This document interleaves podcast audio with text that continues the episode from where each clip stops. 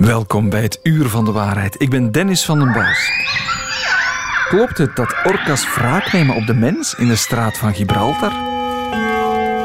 Lijken we de tijd in de zomer echt sneller te beleven dan in de winter? En wat met gevaarlijk gezondheidsadvies? Eén pijbeurt per week kan bij een man het risico verlagen op hart- en vaatziekten. Van dokter TikTok.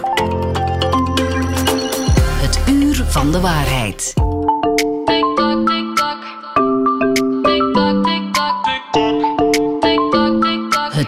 Van de Waarheid.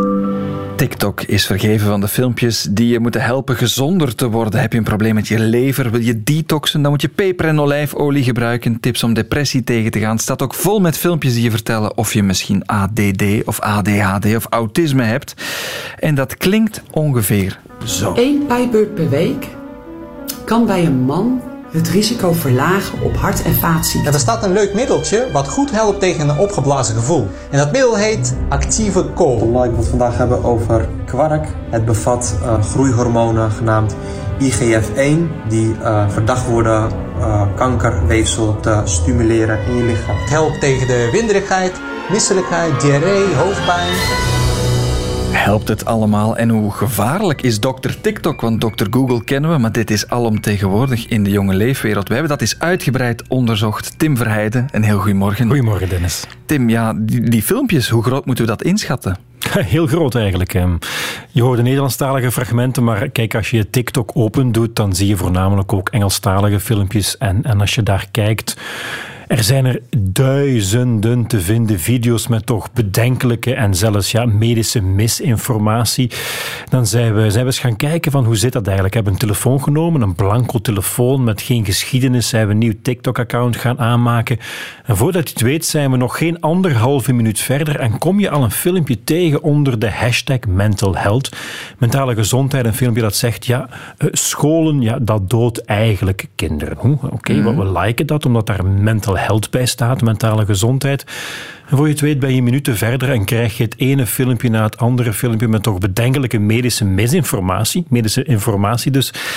Waar je vragen bij kan stellen over mentale gezondheid. En dan zijn we ons gaan afvragen, hoe zit dat eigenlijk hier met Nederlandstalige video's? Dan zijn we gaan zoeken op de hashtags mentale gezondheid, detoxen, ontgiften enzovoort.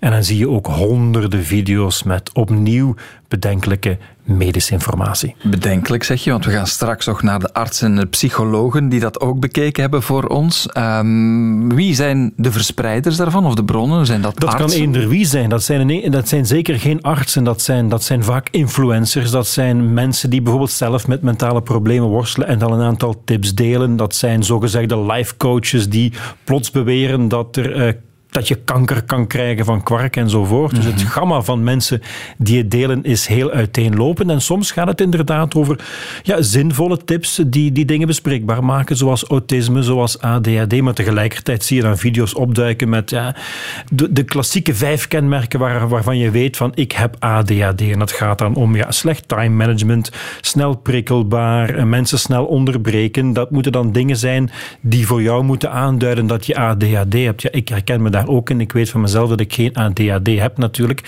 Dus dat roept toch wel wat vragen op. Ja, tussen wat je zou kunnen herkennen en een echte medische diagnose eh, is er een groot verschil. Dan is de vraag natuurlijk, die filmpjes, hoe komen die aan bij de kijkers die het bereikt? Vaak jonge mensen. Eh, we hebben dat eens gevraagd aan Ama Kissi. Zij is klinisch psycholoog en onderzoeker aan de Universiteit van Gent. Ik denk dat er heel wat jongeren zijn die deze video's geloven. En ze hechten daar ook ontzettend veel belang aan. Dat merk ik echt wel in de praktijk. En dat is op zich niet onlogisch. Hè? Die influencers, die, ja, het woord zegt zelf, die beïnvloeden hè, die jongeren. Ehm, en ze beschouwen hen ook wel als heel geloofwaardige bronnen. En dat maakt dat wanneer dat ze video's te zien krijgen over eh, depressie, angst of andere vormen van mentale gezondheidszorgen, dat ze deze zaken ook rapper zullen gaan geloven. Ja, er staat een uitgebreid relaas met haar ook op, op VRT Nieuws. Ze zegt bijvoorbeeld, ik zie jongeren die bij mij komen op consultatie, die ervan overtuigd zijn, zoals jij zegt Tim, dat ze misschien ADHD hebben of autisme, terwijl dat helemaal niet zo hoeft te zijn.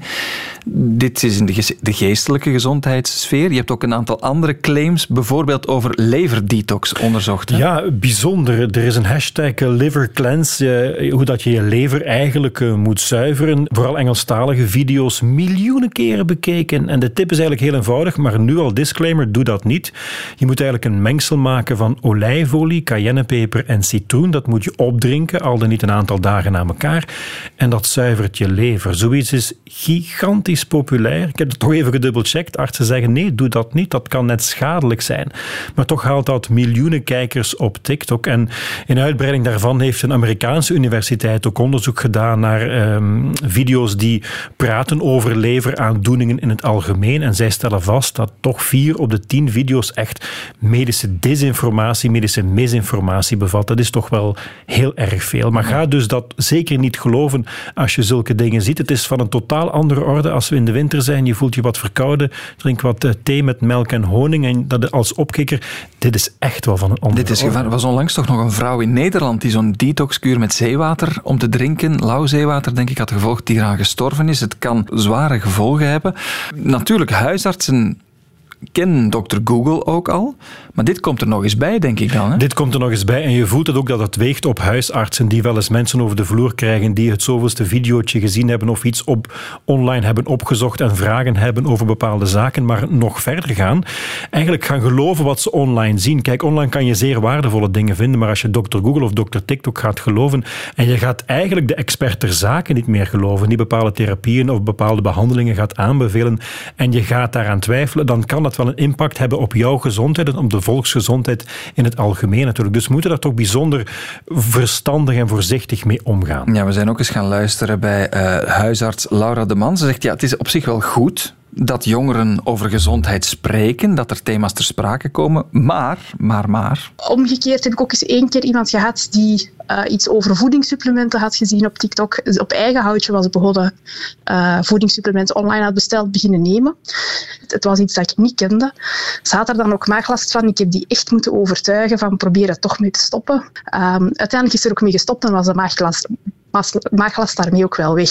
Maar uh, ik heb liever dat de mensen met de vragen komen, dat ik het gesprek kan voeren. En dan merk ik dat, dat, dat ik eigenlijk heel vlot kan uitleggen van TikTok is geen goede bron van informatie. Het is toch straf dat we sneller TikTok vertrouwen misschien dan echte medische bronnen of naar de huisarts willen gaan. Ja, je ziet inderdaad dat de huisarts een bepaalde achterstand heeft en eigenlijk ja, de, de, de hele de informatie moet gaan omkeren, moet zeggen nee, geloof mij, maar niet de, wat, wat je ziet of hoort op, op TikTok.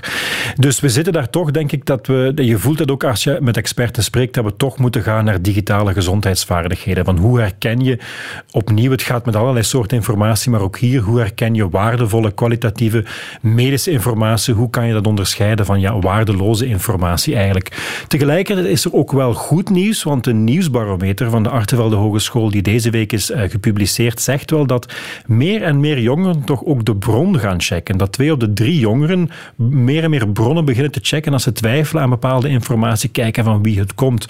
Dus je ziet ook wel dat er, dat de, de, de hoe zal ik het zeggen, dat men meer en meer beseft van kijk, wat we hier zien, wat we hier lezen, wat we hier horen, klopt dat wel. Ja, het is nog een jong medium, zou je het is een zeer zeggen, jong met medium. een jong publiek. Het is een zeer jong medium. Dus als ik de optelsom maak, durf ik misschien wel zeggen dat het aantal mensen dat zulke medische misinformatie gelooft op TikTok, dat het percentage eerder nog altijd klein is, maar mogelijk de impact toch wel groot is, want je moet maar aan de slag gaan met die medische informatie. Een, een, een mengsel drinken van olijfolie, voedingssupplementen nemen, zoutwater nemen, je slokdarm scheurt, je sterft.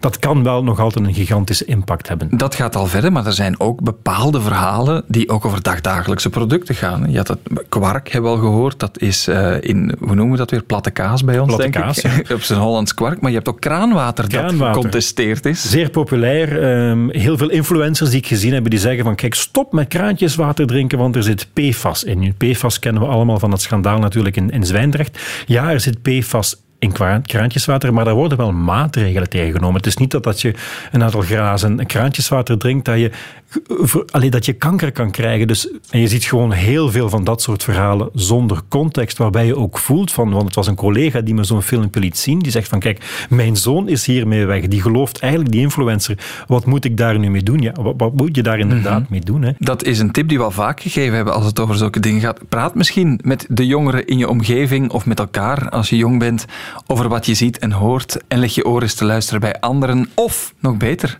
lees misschien dat hele stuk met dat onderzoek waar al die specialisten ook in vervat zitten. Filmpjes en voorbeelden gegeven worden op onze nieuwswebsite VRT Nieuws. Tim Vrijden, dankjewel. Graag gedaan. Het uur van de waarheid. Ken je deze dieren? We zitten in zee. Het zijn geen gillende meisjes. Het zijn orka's. Jawel, die grote walvissen met hun witte en zwarte prachtige patroon. We kennen ze van Free Willy. Mooie, zachtaardige beesten zou je denken. Ja, met de regelmaat van de klok vallen ze in de straat van Gibraltar zeilboten aan. Afgelopen week nog een Nederlands zeilteam die aanvallen. Het zouden er al 500 zijn, opgetekend sinds 2020. En, zeggen mensen nu, dat is omdat de orka's wraak nemen op de mens voor alles wat we hen hebben aangedaan. Het wegnemen van hun habitat en ga zo maar door. Maar kan dat ook echt? Of maken we onszelf wijs dat die dieren dat doen? Ik ga erover spreken met Els Vermeulen, walvisonderzoekster aan de Universiteit van Pretoria in Zuid-Afrika. Els, welkom, goedemorgen. Goedemorgen. Els, is dat normaal gedrag, die orka's die een boot, altijd een zeilboot, aanvallen? Ja, uh, het, het, woord aanvallen wil ik daar al eventjes uitnemen. Uh, het is natuurlijk weer een connotatie die wij geven aan een gedrag dat we misschien niet goed begrijpen. En het is een negatieve connotatie. Voor sommige van de beelden die ik heb gezien, zie ik niet direct uh, agressief gedrag, zie ik nieuwsgierig gedrag. is het normaal? Het, het, is sinds 2020, denk ik, dat het geobserveerd is. En het gebeurt dan blijkbaar wel meer en meer. Uh, maar orka's zijn we natuurlijk ook nieuwsgierig en leren heel erg snel van elkaar. Uh, dus is dat dan een gedrag dat wordt eh, doorgegeven in, in, de, in de populatie, uh, kan leiden tot, tot meer incidenten natuurlijk. Ja, en, uh, want, zeggen bronnen, ze zouden ook stoppen daarmee van zodra het zeilschip immobiel is. Missie geslaagd, zou je denken. Ja, en, en dat is het hem dan ook juist. Dus het, het is gericht naar die, naar die kiel van de zeilboten. Uh, het is inderdaad blijkt dat die dieren daarmee stoppen als, als de zeilboot stilstaat.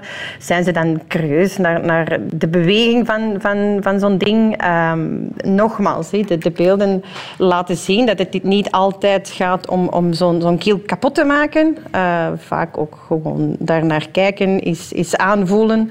Uh, ja. Dat zou kunnen gebeuren, maar wat lezen we, en dat is een manier om dat verhaal te interpreteren die steeds vaker naar voren komt. Dat zijn wraakacties. Wat is de specifieke theorie voor we gaan zeggen of die kan kloppen of niet? Wat wordt er beweerd? Ja, ik denk dat het in de, in de sociale media nogal wordt afge, afgeschilderd als um, de invloed die de mens heeft op het marine milieu. En daar is nu een heel intelligent zeedier die het gemunt heeft op de mens en, en wil dat we stoppen uh, met, met zijn oceaan te vervuilen en te gebruiken. Ik denk dat zo'n zo'n dingen um, nog meer en meer de kop opsteken op de sociale media. Um, en ik veronderstel eigenlijk bijna meer zeggen van ons eigen gevoel dan um, wat de realiteit kan zijn vanuit het orkasgedrag. Ja, want dat orka-gedrag en die theorie van de wraakactie, die, die gaat in ecologische milieumiddels wel de ronde. Er zijn al t-shirts, er zijn badges. De orka's nemen het op voor het klimaat en het milieu.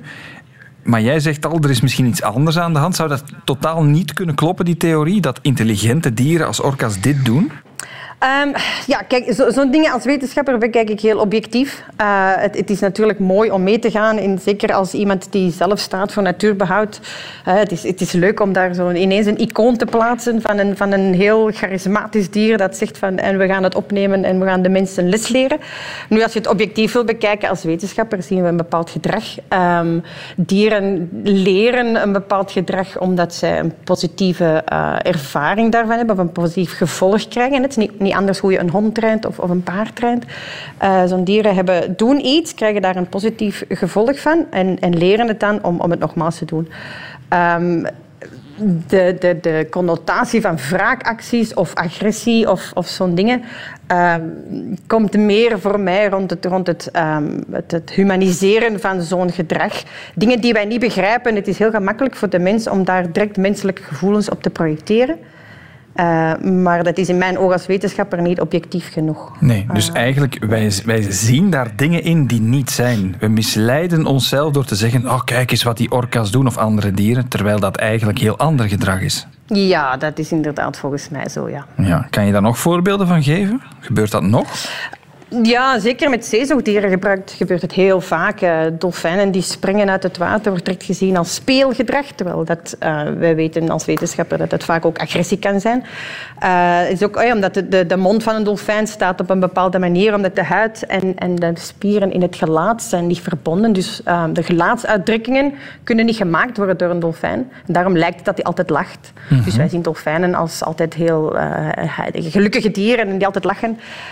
Um, het is hetzelfde met, met de grotere walvissen. Uh, als, als hey, op een, een walvistoeristenboot, als daar een walvis daarnaast is die, die, die uit het water springt, hij wordt gejuicht en wordt geklapt van wauw, zie wat een show die geeft voor ons. Hij voelt dat. Het hier...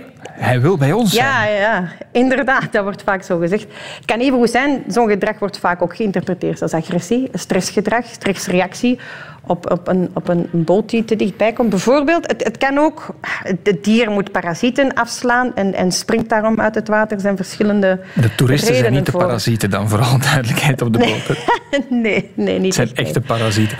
Uh, zeezoogdieren zeg je, maar ja, wij zien toch heel veel dingen. Gedrag. Uh, wat, wat zie je dan bijvoorbeeld als we het over paarden hebben? Nog zo'n dier waar we van alles over denken. Het is, het is intelligent en uh, het is edel en sierlijk. Welke dingen zie je daar gebeuren waar je denkt, ja, alles wat de mens daarover denkt of zegt, dat klopt totaal niet met de biologie? Ja, dus een paard is, is, een, is, een, een, geen roofdier natuurlijk. Het is een prooidier. Dus een paard um, zal um, anders reageren dan een roofdier. heeft ook een heel andere hersenstructuur. heeft geen prefrontale cortex, dus kan niet redeneren zoals wij. Een paard kan niet per se probleemoplossend denken, maar wil niet zeggen dat het niet snel kan leren. Dus als een paard iets kan doen en het heeft daar nogmaals een positief gevolg van, kan die vrij snel leren om dit, zoals bijvoorbeeld de poort openmaken van zijn stal. Um, bij paarden, en, en wil ik gaat... zeggen, zien we ook vaak gevoelens. Of denken we dat die paarden dingen voelen? Ja, gevoelens. Dieren zullen natuurlijk gevoelens hebben, maar daarom zijn het geen menselijke gevoelens. En ik denk dat daar moeilijk is om een onderscheid te maken voor ons als mens. Om te begrijpen wat voor gevoelens die zijn. Uh, een paard kan voelen van bang te zijn. Het kan voelen van misschien eenzaam te zijn, want een paard is een kuddedier. Het kan voelen van uh, misschien agressief te zijn, want er is iets dat, dat hij niet leuk vindt. Maar dat wil misschien niet zeggen dat um, een paard is bijvoorbeeld blij om, om, om een kind te zien. Ik zeg nu maar iets. Uh, Zo'n gevoelens zijn anders. Bijvoorbeeld als ik elke keer kom naar een paard en ik geef dat paard een wortel. Natuurlijk, als hij mijn auto ziet aankomen en die gaat op den duur de associatie maken, dat geluid van die auto, dat is die, daar komt een wortel van. Mm -hmm. Heel plezant. Maar dat is ik iets vind die anders dan, leuk. oh wat ben ik blij dat die sympathieke mensen er zijn. Ja, we vermenselijken die dieren iets te vaak, zeg je, als je dat met een biologische bril uh, bekijkt. Maar heeft dat ook slechte gevolgen voor die dieren, voor hoe we met hen omgaan? Uh, het, kan zeker slechte gevolgen hebben. En dan, dan, neem ik het weer terug naar de zeezoogdierenwereld, daar waar mijn expertise ligt. Nu, het voorbeeld van die, van die toeristenboot. Ik, ik zie het regelmatig. Uh, Zo'n zo boten met, met luide motoren die, die te dichtbij gaan, ja, kan, kan een soort agressie uitlokken. Um, en dat kan geïnterpreteerd worden als het dier vindt het leuk versus het dier vindt het eigenlijk niet leuk. Mm -hmm. um, trekken we het dan weer terug naar bijvoorbeeld um, hondengedrag, paardengedrag, ja, dan zien we dat het, het niet consequent zijn in een bepaalde trainingsmethode. Of, of, of het niet... Um, nu mag je het snoepje en, en morgen mag het niet. Nu mag je op de zetel, want ja, het is, vandaag is het Pasen. Maar morgen mag het niet, want nu is het normale werkdag. Ja, Zo'n zo dingen begrijpen dieren niet.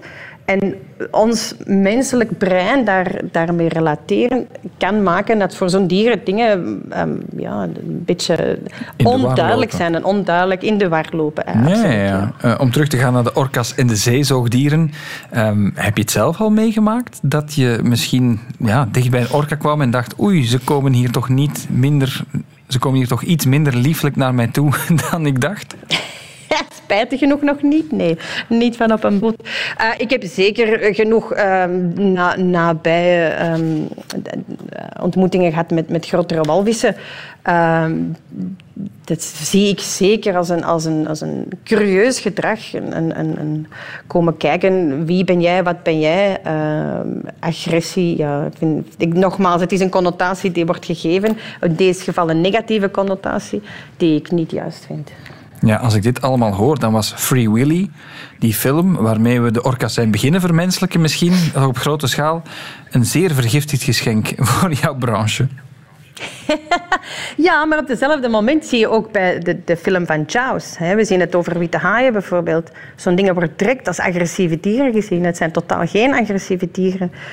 Ja, er worden bepaalde... Soms zijn er haaienaanvallen op surfers. Ja, zo'n dieren vergissen zich. En, en die van onderuit lijkt een surfer op een zeeleeuw. Dus het is nog nooit voorgekomen dat een haai twee, drie keer voor zo'n surfer gaat. Eigenlijk zijn domme dieren die zich even vergissen. Dat ene momentje. Ja, Eh, maar dat is ook alweer inderdaad.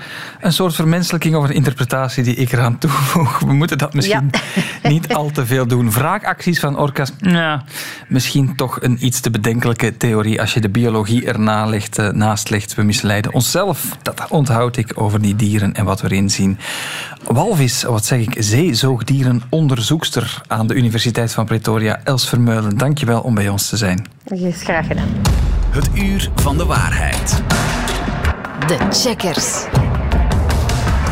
Met een beetje pijn in het hart zeg ik de laatste keer dit seizoen voor de zomer. Luc van Bakel, welkom hier. Goedemiddag Dennis. Eh, Ja, bedankt dat ik hier opnieuw mag zitten. Luc, het is de laatste aflevering van dit radioseizoen van het Uur van de Waarheid. De laatste keer dat we gaan kijken naar die fantastische, opmerkelijke verhalen op het internet. Wat is feit, wat is fictie, wat is zin, wat is onzin? En beginnen doen we met elektrische auto's. Want een vaak gehoorde kritiek is dat dat met die chemische batterijen en dat productieproces toch allemaal niet zo milieuvriendelijk is als wordt beweerd. Het ging toch opnieuw eh, viraal. eh, en hoe komt dat? Dat ligt eigenlijk aan de Britse acteur Rowan Atkinson, die we allemaal kennen, of toch de meeste onder ons als Mr. Bean. Mr. Bean, inderdaad.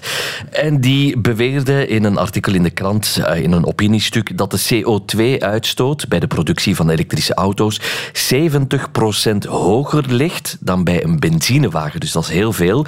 Een argument eh, volgens ja, Mr. Bean of Rowan Atkinson om die elektrische wagen als ja, toch niet zo milieuvriendelijk te bestempelen. Maar klopt dat ook? Dat onderzocht KNAK en dat vroegen we ook aan eh, Maarten Messagie. Die is verbonden aan de Vrije Universiteit van Brussel en gespecialiseerd in mobiliteit en in de kostenberekening van auto's. Uiteraard, voor een elektrisch voertuig heb je een batterij nodig. En uiteraard, tijdens de productie eh, heeft dat een milieu-impact. Dus het is wel zo dat het wat meer moeite kost om een elektrisch voertuig te, eh, te bouwen. Maar tijdens de gebruiksfase doen we eigenlijk een heel grote winst. Zo'n grote winst dat we kunnen zeggen dat een elektrisch voertuig vandaag in België drie tot vier maal minder CO2 uitstoot op de volledige levenscyclus ten opzichte van een eh, klassiek benzine- of eh, dieselvoertuig. Oké, helemaal ongelijk had Rowan Atkinson niet, maar hij vergat heel veel te vermelden. En als je het dus in zijn totaliteit bekijkt, is die uitspraak van Mr. Bean toch wel een beetje fout. Eindsom ligt drie tot vier keer lager zelfs. Klopt, klopt. Er is nog iets dat, eh, dat eigenlijk moet worden toegevoegd, namelijk dat die, heel die batterijindustrie zich razendsnel ontwikkelt. Dus batterijen die zouden in de toekomst ook milieuvriendelijker kunnen geproduceerd worden. Maar dat is iets dat wij uiteraard nog niet kunnen checken. Dat ligt in de toekomst. Eh, Je bent een ziener, maar een glazen bol heb je nog niet. Eh, We blijven in Engeland en ook bij het klimaat voor het volgende verhaal. Want de Britten die zouden luk opnieuw elektriciteit met steenkoolcentrales hebben moeten opwekken, omdat er met de zonnepanelen een probleem was. Ja, ehm, het gaat om een verhaal dat op verschillende alternatieve websites is opgedoken de voorbije weken. Het is eigenlijk gestart met een tweet van een Brits parlementslid, een politicus, Samuel Wilson van de Democratic Unionist Party. En die schreef midden juni eh, in een tweet dus dat het Verenigd Koninkrijk kolengestookte generatoren heeft moeten opstarten tijdens de hittegolf, omdat de zon te sterk is en zonnepanelen offline moesten worden gehaald. Met andere woorden, Dennis, eh, zonnepanelen die konden de hitte niet aan en dus moesten die van het netwerk worden gehaald en moesten kolencentrales eh, ingeschakeld worden om toch maar voldoende elektriciteit te hebben. Klopt dat? Dat bekeek Lotte Lambrecht van KNAK. Dat klopt niet. Ik heb daarvoor uh, de Britse pers beginnen doorploeteren en kwam uit op een artikel van de BBC uh, waarin werd gesteld dat uh, de kolencentrales eigenlijk werden heropgestart door een ongelukkige samenloop van omstandigheden. Door de warmere temperaturen gebruikten meer Britten airconditioning, wat leidde tot een hogere elektriciteitsvraag. Het waaide minder hard, waardoor er minder windenergie ter beschikking was. er werd ook een onderhoud uitgevoerd in verschillende gascentrales, waardoor die minder gas konden leveren.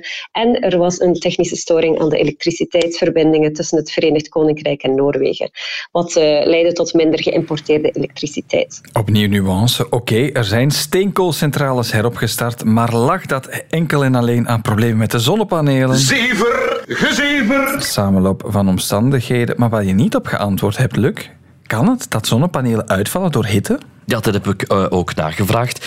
Zonnepanelen die uh, vallen in principe helemaal niet uit door de hitte. Uh, denk maar alleen aan die grote zonneparken die bijvoorbeeld in de Sahara gebouwd zijn. Juist. Als dat niet zou gaan in die hitte, dan zouden die daar hoegenaamd niet werken. Dus dat, dat klopt niet. Maar wat wel is, en, en dat is interessant om te weten, is dat zonnepanelen wel een kleine rendementsdaling kennen als het erg warm is. Hè. Pakweg boven de 35 graden. En dan vermindert dus dat rendement met 0,2 à 0,3 procent per graad Celsius dat het warmer wordt. Dus ja, minder rendement dat klopt. Maar, uh, zo zeggen specialisten dan weer, dat is eigenlijk ook verwaarloosbaar, want het is zonnig, het is heel warm. Dus je hebt ook meer zonuren en dat compenseert dan alles weer. Ja, en dus ook dat verhaal, dat deel van de claim, de hitte en ze werken niet, is... Zever, gezever! Ik ga een beetje moeten afkicken van deze jingle deze zomer. Maar goed, Luc, om af te sluiten, hebben we een filmpje uh, onder de loep genomen. Ik heb dat bekeken en gezien ook op uh, Twitter, maar het is ook op TikTok verschenen over een vreemde duif. Ik denk in Groot-Brittannië opnieuw, als ik me niet vergis een duif waarvan je niet goed moet, kon denken of weten, is dit nu een echte duif? Of, ze zag er wat raar uit, hè? Dennis, ik weet dat jij um, een groot hart hebt voor vogels, dus ik heb het speciaal uitgezocht, hè, omdat het de laatste aflevering is van dit seizoen. Dankjewel. Het is een filmpje dat rondgaat op Twitter, uh, op TikTok, excuseer. Het is heel veel bekeken. Wat zie je daarop? Je ziet een duif, maar eentje met uh, zeer lange poten. Eigenlijk doet het mij een beetje denken aan kippenpoten. Dus mm -hmm. een duif op kippenpoten. Met ook hele rare pluimen er He dan nog Hele rond. rare pluimen. Volgens veel mensen ja, klopt er dus niks van dat filmpje. Ging het om een mutatie of was er met het beeld uh, wat gefoefeld? Uh, maar Jeff Kouwenbergs van onze redactie heeft dat uitgezocht. Ik heb eens uh, rondgebeld en rondgehoord bij verschillende experts experts in de dierenwereld en daar wist ze mij te vertellen dat er in België maar liefst 250 erkende duivenrassen zijn. Sommige van die rassen uh, komen er vooral via kwekers van siervogels. En een van die rassen die zo opgekweekt wordt, is de kropper. En de kropper wordt vooral gekenmerkt door de vooruitstekende en opgeblazen borst, of wat ze in de duivenwereld de krop noemen. En in het geval van dit filmpje gaat het wellicht om de Engelse kropper. Die heeft naast zo'n opgeblazen borst ook nog eens extra lange poten. Ze bestaat dus, een duif met een zeer lange poten. De Engelse kropper, is niet de klassieke stadsduif, dus ze valt op. Het is een sierras, maar eigenlijk moeten we zeggen, ja, is dat een echte duif? Jawel, hè? Het, het is volledig echt, uh, die duif. Uh, het is natuurlijk geen duif die je zomaar in het park gaat tegenkomen of in een stad. Het is eentje die, die gekweekt wordt hè, bij siertelers. Er zijn nog, uh, ja, voor jouw interesseveld, Dennis, er zijn nog heel wat andere kroppers trouwens, ook met lange poten. Ik ga er enkele opnoemen. Je hebt de Beierse kropper, heeft ook een lang stel poten. Je hebt de Franse kropper, maar zelfs de Gentse kropper, maar die, uh, die zijn poten zijn iets minder lang en die heeft vooral veel pluimen op zijn poten. Ja, voor er fake news de ronde gaat doen. Ik heb het vooral voor wilde inheemse vogels, minder voor de sierteelt. Maar goed, ik heb van alles bijgeleerd. Luc, je kent het riedeltje, ook deze laatste keer. Waar kunnen we alles rustig nalezen? Dat kan zoals altijd uh, op de pagina van decheckers.be of bij 14nieuws.be. Luc, dankjewel. Radio 1. Het is zonnig, het is zomers, het is mooi weer en het lijkt alsof de afgelopen weken en dagen voorbij gevlogen zijn. Ook dat einde van het schooljaar is er alweer. En vergelijk dat eens met de grauwe winter, de dagen gaan traag.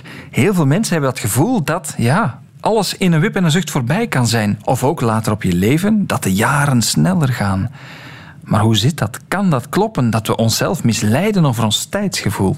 Daar ga ik het over hebben met Rudy Dogen, professor biologische psychologie aan de KU Leuven. Rudy, welkom, goedemorgen. Goedemorgen. Rudy, dat aanvoelen dat heel veel mensen hebben, Kan dat kloppen?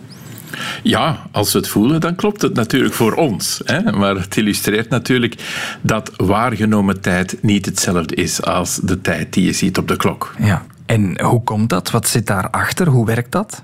Ja, wel, dat heeft te maken met het feit dat die, uh, ja, die waargenomen tijd die rekent op een aantal fenomenen in je lichaam en buiten je lichaam hè, om de tijd in te schatten. En die zijn vaak heel onnauwkeurig. Hè. Die worden beïnvloed door omgevingsfactoren, die worden beïnvloed door je ouderdom, door de fase van je leven waar je je in, begin, in bevindt en noem maar op. Hè. Dus dat, uh, ja, dat is een subjectief proces. Hè.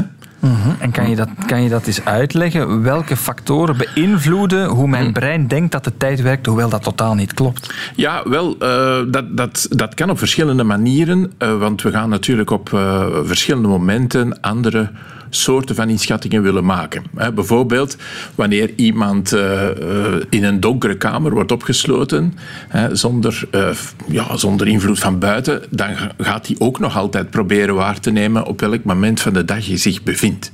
En dat kan ook dankzij onze circadiane klok. Dat is een biologische klok die in onze hersenen zit en die eigenlijk ja, tamelijk nauwkeurig werkt, maar niet zo heel nauwkeurig. Die moet elke keer opnieuw uh, gelijkgezet worden. En ten tweede, als we echt terugkijken in de tijd en dan in de tijd gaan uh, schatten van hoe lang iets heeft geduurd, dan gebruiken we natuurlijk ons geheugen en allerlei bakens in de gebeurtenissen om die tijd trachten in te schatten. Dus het is oftewel een inschatten op langere termijn of een inschatten op dit moment van is het nu middag of is het morgen. Mm-hmm. uh, dus dat gebeurt op verschillende manieren, maar steeds, steeds tamelijk onnauwkeurig moet ja. ik zeggen. En welke prikkels binnen die, die klokken zeg maar, die jij beschreven mm-hmm. hebt of die mechanismen kunnen er dan voor zorgen dat dat correcter is of heel lang misschien duurt of net heel kort? Ja, wel fa- uh, fasen of, of episodes in je leven waar bijvoorbeeld heel weinig bakens zijn hè, om die tijdsinschatting op te baseren, dan lijken die tamelijk kort. Hè? Want je, je, hebt niet veel eikpunten, zeg maar, hè, om die tijd op in te schatten. En dat wil dan ook zeggen dat bijvoorbeeld sommige mensen zeggen van ja, die periode dat ik thuis heb gezeten tijdens de COVID-crisis, die lijkt uh, heel kort te zijn nu. Dat lijkt precies al verdwenen te zijn uit mijn geheugen. Uh, terwijl op het moment zelf vonden dat mens, mensen dat vaak lang duren. Mm-hmm. Maar dus je kijkt daarop terug, je hebt niet veel bakens om echt in te schatten, want er is weinig gebeurd of minder gebeurd dan anders. En dan lijkt die periode kort te zijn in je geheugen. Is dat ook de verklaring waarom de zomers van onze jeugd ja, eeuwen leken te duren, terwijl die in ons later leven vrij inwisselbaar zijn geworden misschien? Ja, zeker. Hè? Uh, dus uh, de, toen was dat nieuw. Je je hersenen werken ook anders als kind. Hè? Dus dan, uh, die verwerking van informatie gebeurt anders. Dus dat is ook weer een factor die de perceptie van tijd beïnvloedt.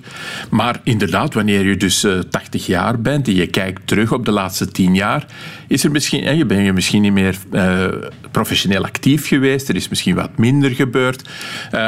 en dan lijkt dat een korte periode te zijn. Terwijl wanneer je op, op je 18 jaar heel veel hebt meegemaakt, in de, heel veel veranderingen hebt gezien in de laatste jaren. Je bent van school veranderd, je hebt nagedacht over je, je levenskeuzes enzovoort. Dan, ja, dan is er heel veel gebeurd en dan zijn er heel veel eikpunten om die tijd terug op te reconstrueren en in te schatten. Dus je herinneringen daaraan en die eikpunten misleiden eigenlijk hoe lang je die periode inschat in je brein. Tja, je mis, ze misleiden je soms, maar het is het enige wat je hebt eigenlijk, ja, ja, ja. Hè, om, om tijd op in te schatten. Dat, dat gaat over herinneringen en terugblikken. Mm. Als je dan dat gevoel hebt van de zomer en het mooie weer en het gaat zo snel mm. en dat einde van het schooljaar is daar, tegenover, amai, het duurt hier nog lang in die winter, het gaat niet vooruit. Hoe verklaar je dat? Tja, dat is ook misschien weer een ander fenomeen tijdens een... Als je op het moment zelf hè, in een onaangename situatie zit, bijvoorbeeld je hangt in ijskoud water, dan lijkt het heel lang natuurlijk, want dat is super onaangenaam. Dus op het moment lijkt een onaangename situatie natuurlijk heel lang. Verveling, een lange fase van verveling lijkt ook lang op het moment. Terwijl je vaak, wanneer er enkele jaren nadien aan terugdenkt, heb je misschien weinig herinnering aan. Dus er zijn verschillende processen die, ik moet het eigenlijk in het algemeen zeggen, die onze inschatting van het verlopen van tijd heel onnauwkeurig maken en heel variabel. Hè, afhankelijk van de situatie, de context, de fase in je leven enzovoort. Ja, dat is de vaststelling. Dan is de vraag misschien, kunnen we met die wetenschap kunnen we dat ook wat gaan manipuleren, beïnvloeden, dat dat, dat gevoel meer lijkt te stroken met wat er echt gebeurt? Of we dat beter gaan herinneren? Ja, dat kunnen we zeker. En, en er is soms nogal wat behoefte aan bij bijvoorbeeld weer oudere mensen. Die zeggen van het gaat allemaal zo snel. Hè, en er gebeurt wat minder in mijn leven, maar uh, de jaren gaan voorbij alsof het niks is. Mm -hmm. En een manier om dat... Uh, ja, als dat je stoort, om dat beter te maken, is eigenlijk zoveel mogelijk nieuwe dingen blijven doen. Uh, zoveel mogelijk verrassingen in je leven inbouwen. Uh, ja, volg een keer een muziekles. Ga, eens wat, wat nieuws leren. ga in een nieuwe club waar je nieuwe mensen ontmoet. Zoveel mogelijk nieuwe ervaringen en onverwachte zaken geven je meer eikpunten.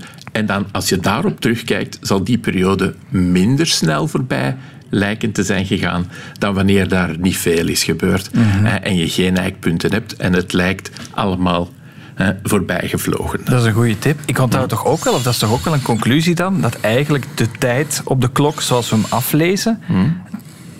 ja, dat dat niet meer is dan een afspraak. Want je zei in het begin al, we hebben eigenlijk geen ingebouwde correcte tijd. Of is, loopt die, we hebben die wel en loopt die helemaal anders dan de tijd die we hebben? Ja, er, loopt wel een, een, tijd in onze klok, uh, in ons hoofd liever, hè, dus die, die biologische klok. Uh, daarmee kunnen we eigenlijk, zelfs wanneer we geen prikkels van buiten hebben, wel inschatten. We voelen dat soms aan, hè, van ja, het, het lijkt nu toch al namiddag te zijn. Hè. Uh, en dat is eigenlijk op basis van die circadiane klok die uh, op basis van moleculaire processen in ons uh, hoofd loopt.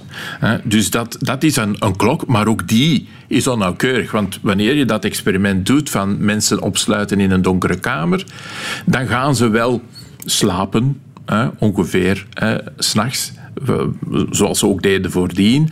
Ze gaan actief zijn in de dag. Maar dat begint eigenlijk stilaan, wanneer, wanneer ze langer en langer in die donkere kamer zijn, begint dat een beetje mis te lopen. Dat begint eigenlijk verder en verder te gaan van de eigenlijke dag-nachtritmes die er buiten zich afspelen. En dat heeft te maken ook weer met het feit dat die biologische klok buiten dus die perceptuele klok die ik daarnet besprak, Aha. dat die biologische klok ook onnauwkeurig is en eigenlijk elke dag opnieuw moet gelijkgezet worden. Want ik herinner me, nu je dat vertelt, was er ooit geen experiment van iemand die ja, jaren in een donkere grot geleefd had om te zien wat nu ons echte biologische ritme was? Mm -hmm. Ja, zulke experimenten zijn uh, ook al vaak gebeurd, omdat het natuurlijk een interessant fenomeen is. Uh, die, die inwendige klok, die tijdsperceptie. En er is flink wat onderzoek rond gedaan waarbij mensen eigenlijk, en vrijwillig natuurlijk, uh, liefst, uh, in, in zo'n donkere ruimte zonder uh, omgevingsprikkels worden opgesloten om te kijken ja, hoe verloopt dat precies. Hè? En wat, wat blijkt daaruit? Wat is dan ons zogezegde ritme? Wel, het blijkt dat dat ritme eigenlijk ongeveer 25 uur is. Dus iets langer dan de 24 uur van onze gewone klok. Hè?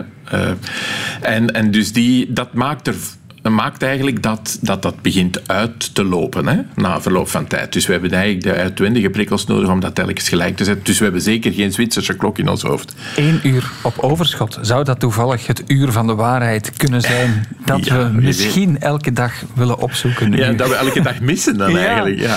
We zouden misschien even moeten missen. We gaan de zomer ook overslaan. Hoe snel die gaat, dat weten we nu. Of uh, dat kunnen we misschien beïnvloeden dankzij de tips. Maar na de zomer zijn we terug met een nieuw seizoen, zeg ik hoor. Rudy Dogen, professor biologische psychologie, over hoe we onszelf met de tijd al dan niet misleiden. Dankjewel om bij ons te zijn. Alsjeblieft. En daarmee zit deze podcast van het Uur van de Waarheid er weer op. Een co-productie van VRT Nieuws en Radio 1. Wil je meer weten over de wonderenwereld van desinformatie, complottheorieën en fake news? Herbeluister dan alle eerdere afleveringen. Dat kan via de app van VRT Max. Tot de volgende.